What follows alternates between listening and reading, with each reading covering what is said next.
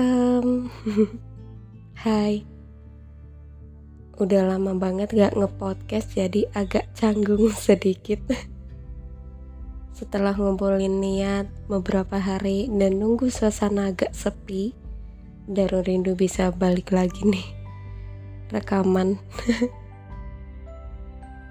Untuk episode kali ini, aku cuma mau cerita sih sesuatu yang gak terlalu penting, cuma maybe buat kenang-kenangan aja ya. Sebenarnya aku udah nulis sih cerita ini cuma ada satu kucing yang gak paham jadi aku harus rekaman biar dia paham kayak gitu.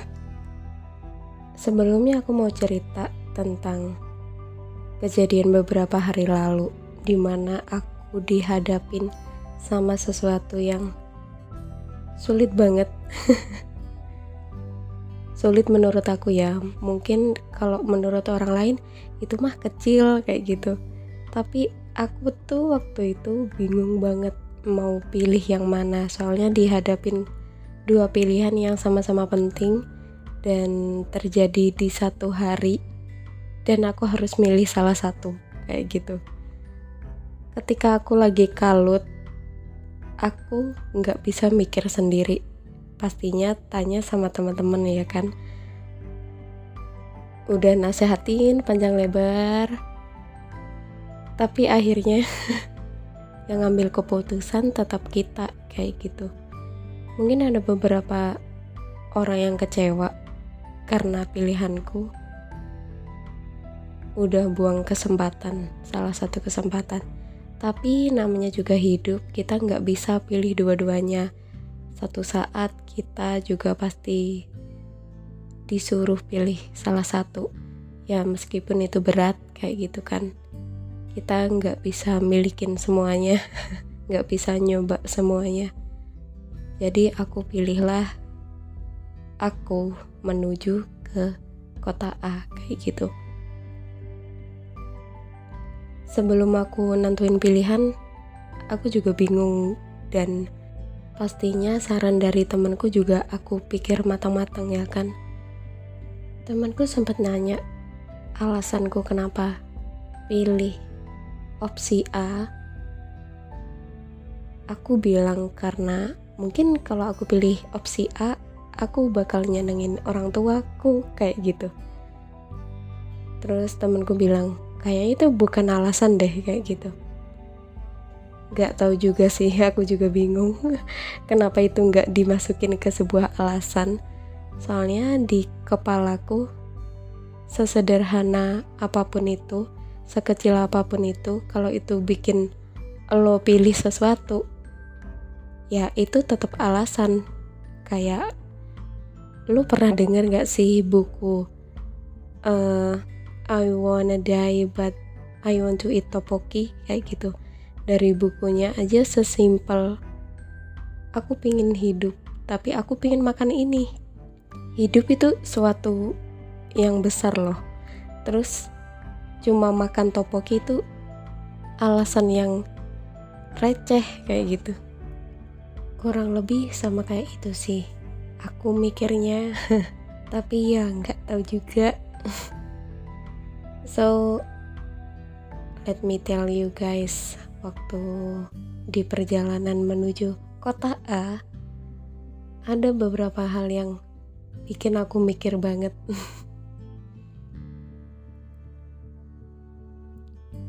Kata temanku sih kita itu suruh sering-sering berkelana sendirian katanya gitu. Biar bisa merenung atau melihat segala sesuatu yang terjadi mengamati orang kayak gitu. Dan aku ngerasain waktu aku perjalanan di kota A. Soalnya perjalanan lumayan agak lama sih sekitar hampir 5 jam. Dan itu lumayan banget sih buat ngelamun. Tapi biasanya nih kalau aku lagi bepergian entah itu naik pesawat, naik mobil, naik motor, bahkan biasanya sih aku tidur. Naik apa pun itu pasti aku tidur. Nah kemarin itu sebelum aku berangkat kebetulan juga aku baca tweet di Twitter dan itu tentang pelecehan seksual di kendaraan umum. Kebetulan juga kejadiannya tuh kendaraannya menuju ke kota A di mana kota itu sama dengan kota yang aku tuju. So itu panik banget sih. Ya namanya aku nggak pernah uh, perjalanan jauh sendirian nggak pernah ngurusin segala sesuatu sendirian. Biasanya tuh aku selalu ditemenin sama temen-temen kayak biarlah gue aja yang ngurus lu diem aja kayak gitu. Jadi aku kebiasaan diem doang. Mau itu pesen segala sesuatu itu kebiasaan ditemenin sih. Jadi kayak ini for the first time aku berjalan sendiri dan ngurusin segala hal sesuatu sendirian dari yang gak tahu apa-apa sama sekali hmm, rasanya unik sih. Capek. Tapi seru. Nah karena treat itu kan jadi aku tuh gak bisa gak bisa tidur karena takut. Soalnya kan korban pelecehan seksualnya itu uh, baru sadar ketika dia bangun tidur. Kayak ya nggak perlu aku jelasin lah kalau kalian kepo biar lihat sendiri di Twitter soalnya aku juga gak tega mau cerita. Jadi aku hampir 5 jam perjalanan nggak tidur mungkin tidur sekitar setengah jam. Padahal di kereta itu udah terbilang aman ya mungkin. Karena di sebelah kursiku itu yang duduk cewek. Terus depanku itu bapak-bapak ya aku berpikiran positif ya. Um, tapi tetap aja nggak bisa tidur. Jadi ngelamun aja sepanjang perjalanan. Sebenarnya waktu itu aku emosional banget sih. Tapi nggak bisa nangis soalnya banyak orang. Emang nggak tahu drama banget sih. Jadi rasa kayak feel so sad kayak gitu. Apalagi playlist musik di HP ku itu ya yang melo-melo gitulah. Jadi kayak merasa main karakter di novel gitu. Tapi waktu di kereta itu ada kejadian beberapa kejadian yang bikin aku mikir dan bikin aku sadar. Kayak tiap aku lihat keluar jendela tiap ngelewatin anak kecil pasti anak kecil itu udah dada kayak gitu. Lihat kereta itu udah dada kayak bye kayak gitu. Selamat jalan maybe kayak gitu ya. Uh, ah, gue mikir kayak ini anak ngapain sih? kayak gitu. Ngapain sih dada-dada? Dada-dada buat siapa orang? Dia kan nggak tahu yang di dalamnya itu siapa aja kayak gitu tapi aku juga jadi mikir oh mungkin karena ketidaktahuan anak kecil jadi menganggap semua itu baik. Maksudnya dia kan nggak tahu yang di dalam kereta itu lagi mau ke mana ya kan? Lagi mau bertemu apa berpisah lagi sedih apa seneng kayak gitu dia itu kayak nggak peduli dan dada-dada aja. Semacam memberi selamat kepada orang ya namanya anak kecil ya setulus itu. Dan aku jadi mikir kadang ketidaktahuan itu adalah anugerah. Ya kalau kita nggak tahu ya pastinya kan positif thinking terus tapi masih bingung juga sih kenapa tiap lihat pesawat ataupun lihat kereta anak kecil kenapa dada-dada? Kenapa gak apa gitu? Ya tapi kalau ngelempar batu bahaya juga sih. Terus ada lagi nih kejadian tepatnya bapak-bapak yang duduk di depanku. Ya namanya orang tua ya pasti sekali dua kali nanya dari mana? Kayak gitu mau ke mana kuliah di mana kayak gitu kan. Ya pertanyaan standar buat basa-basi lah daripada kelihatan canggung mungkin kayak gitu kan. Dan ketika udah ngobrol nih sama aku ya ya sebatas itu sih. Bapaknya tiba-tiba pergi nih ke kursi samping.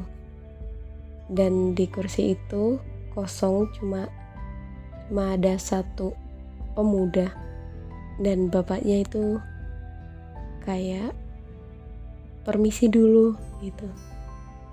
Misi ya dek bapak temenin biar nggak sendirian. Dan yang bikin gedek itu aku sih yang gedek. Soalnya ih bisa gitu ya anak muda. Attitude-nya itu gimana kayak gitu ada bapak-bapak bilang permisi duduk di sebelahnya. Ya dijawab kayak oh iya pak. Kalau nggak mau jawab deh misalnya duduk yang bener. Terus kasih senyum lah itu. Ya misalnya nih kalau nggak mau senyum cukup lah ngangguk apa gimana? Ya seenggaknya ngerespon lah jangan kayak batu. Uh, kita mungkin nggak sadar ya nyakitin orang itu nggak cuma ngebentak nggak cuma maki-maki doang. Diajak ngobrol tapi nggak ngerespon itu kalau aku sih sakit sih. Ya tapi aku lihat bapaknya fine fine aja ya. Namanya orang dewasa ya mungkin legowo lebih legowo. Tapi nih yang lain liatnya gedek banget. Duh anak muda zaman sekarang.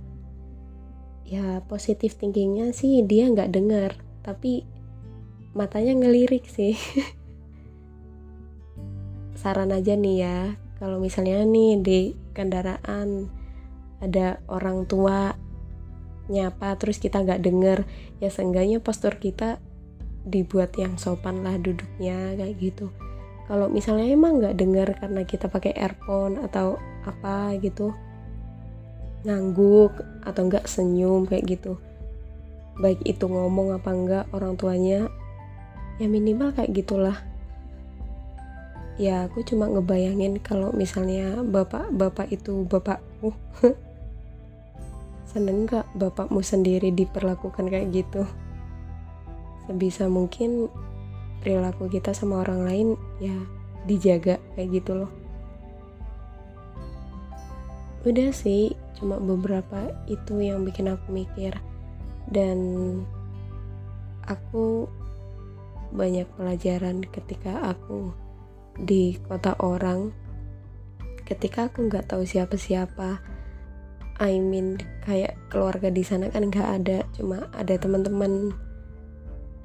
Aku terharu banget sih sama teman-temanku yang ada di sana. Bisa baik gitu ya. Itu sih karena Tuhan baik banget jadi ngirimin orang-orang baik buat bantu aku ketika aku sendirian ya kan? Saking terharunya hari H mau masuk ruangan tuh kayak bersyukur terus. Meskipun aku nggak tahu nanti endingnya bakal gimana yang aku inget tuh cuma kebaikan kebaikan teman-temanku waktu bantu aku kayak gitu. Aku selalu terharu ketika aku dibantuin orang.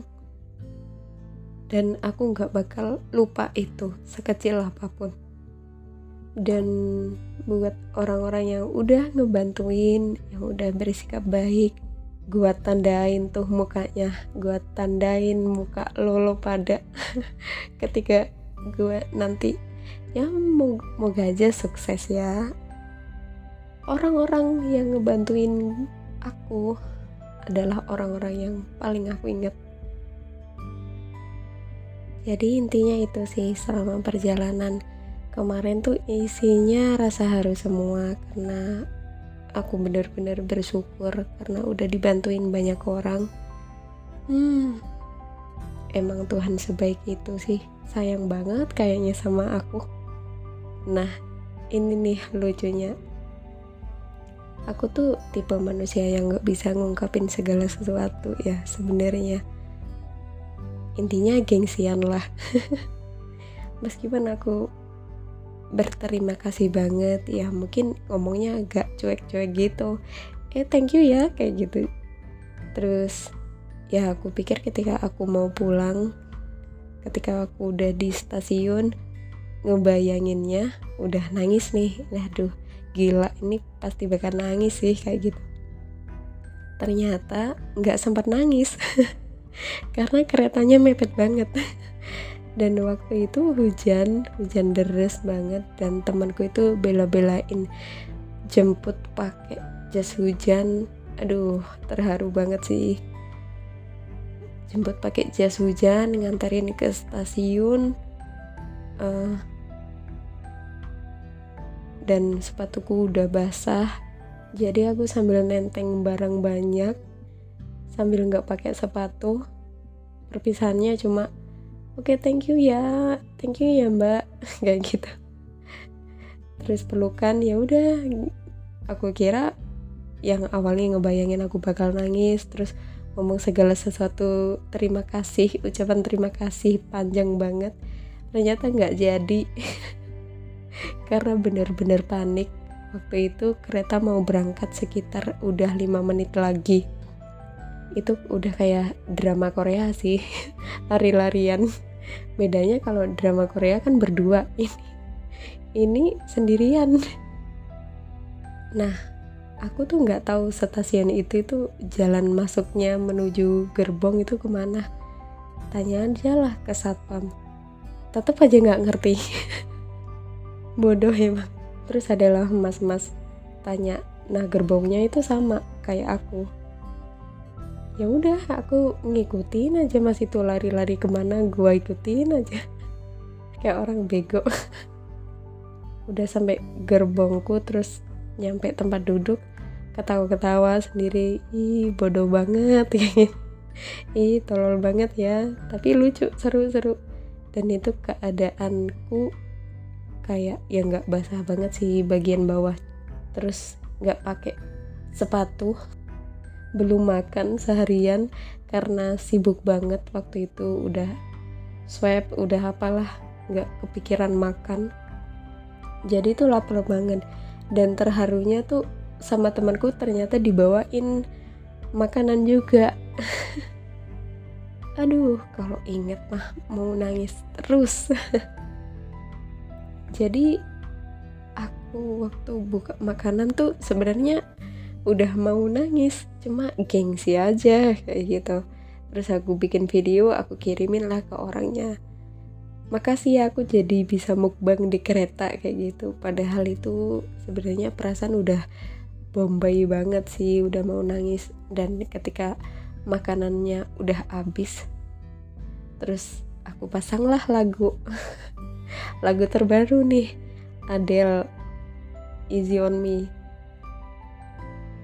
Padahal ya nggak nyambung sih sama cerita ceritanya tadi. Cuma nadanya kan set banget tuh. Jadi aduh nangis bombay deh. Dan lucunya lagi mumpung kursinya lagi kosong nih. Di enak nih buat nangis kayak gitu. Oke lah nangis lah di situ ya nggak disengaja sih. Cuma nggak nggak nggak mau nahan. Soalnya udah nggak ada orang. Ya enak-enak nangis. Kondekturnya datang. Buru-buru deh ngelap. Ngelap air mata. Ya Allah tolol banget. Padahal lu udah ngebayangin nih kayak berasa main karakter di novel gitu yang di shoot slow motion lagi mandang jendela gitu. Widih, udah dramatis banget sih itu. Terus lagunya Easy on Me dari Adele aduh parah sih itu udah dramatis banget. Cuma langsung mengkaget ketika ada kondektur tiba-tiba datang ngecek suhu. Ya ampun ini orang ngerusak suasana aja. Jadinya bukan kayak dramatis lagi udah kayak drama komedi. Tolol banget sumpah. Itulah intinya selama perjalanan ya. Dari aku yang nggak bisa ngungkapin segala perasaan ini aku cuma mau terima kasih sama orang-orang baik yang udah ngebantuin ya kan? Orang-orang baik yang udah mau denger. Aduh emang nggak bisa. Nggak bisa diomongin langsung sih sama orangnya. Bilang makasih. Ya udah deh aku makasihnya sama Tuhan aja ya biar Tuhan yang balas semua. Asik. So thank you buat pendengar Darun Rindu dan dan saran aja sih kalau misalnya ketemu orang atau duduk bareng di kendaraan umum ya seenggaknya jaga sikap lah ya. Soalnya kan itu bukan kendaraan lo itu kan kendaraan umum jadi banyak orang. So ya minimal kalau nggak mau senyum kan nggak kelihatan tuh muka udah pakai masker nggak masalah lah nggak senyum yang penting postur lo itu jangan nunjukin kalau lo tuh arogan kayak gitu. Ya udahlah biasa aja duduknya jangan antisosial. Ya boleh antisosial. Kalau kita di rumah aja kayak gitu. Tapi kalau udah keluar dan ketemu orang ya seenggaknya kalau misal nggak mau nyapa kalau disapa ya kalau nggak mau ngejawab ya ngangguk aja lah minimal.